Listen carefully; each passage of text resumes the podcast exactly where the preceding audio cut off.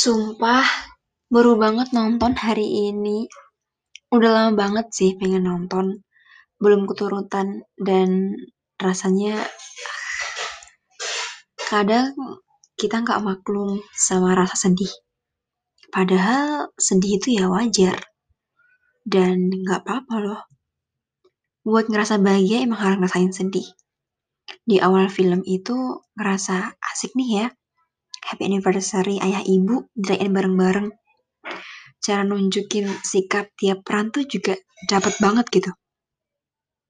Aku pribadi paling suka sama perannya Kak Aurora sih. Keren dan waktu di pameran bisa marah dengan elegan gitu. Ibu di sini diceritain sebagai orang yang kehilangan dan diceritakan dengan gak banyak bicara. Tapi di belakang baru bener-bener ngerasa. Aku kebawa banget tuh waktu peran Mas Angkasa marah ke bapak.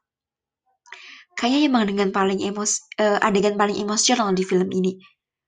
Bapak emang orang yang uh, gimana ya awalnya emang nggak punya siapa-siapa kan dan mungkin ngerasain pahitnya hidup sehingga ya nggak pengen anaknya ngerasain itu aku sendiri ngerasa setiap orang tua biasanya emang gitu berusaha biar anaknya hidup jauh lebih baik.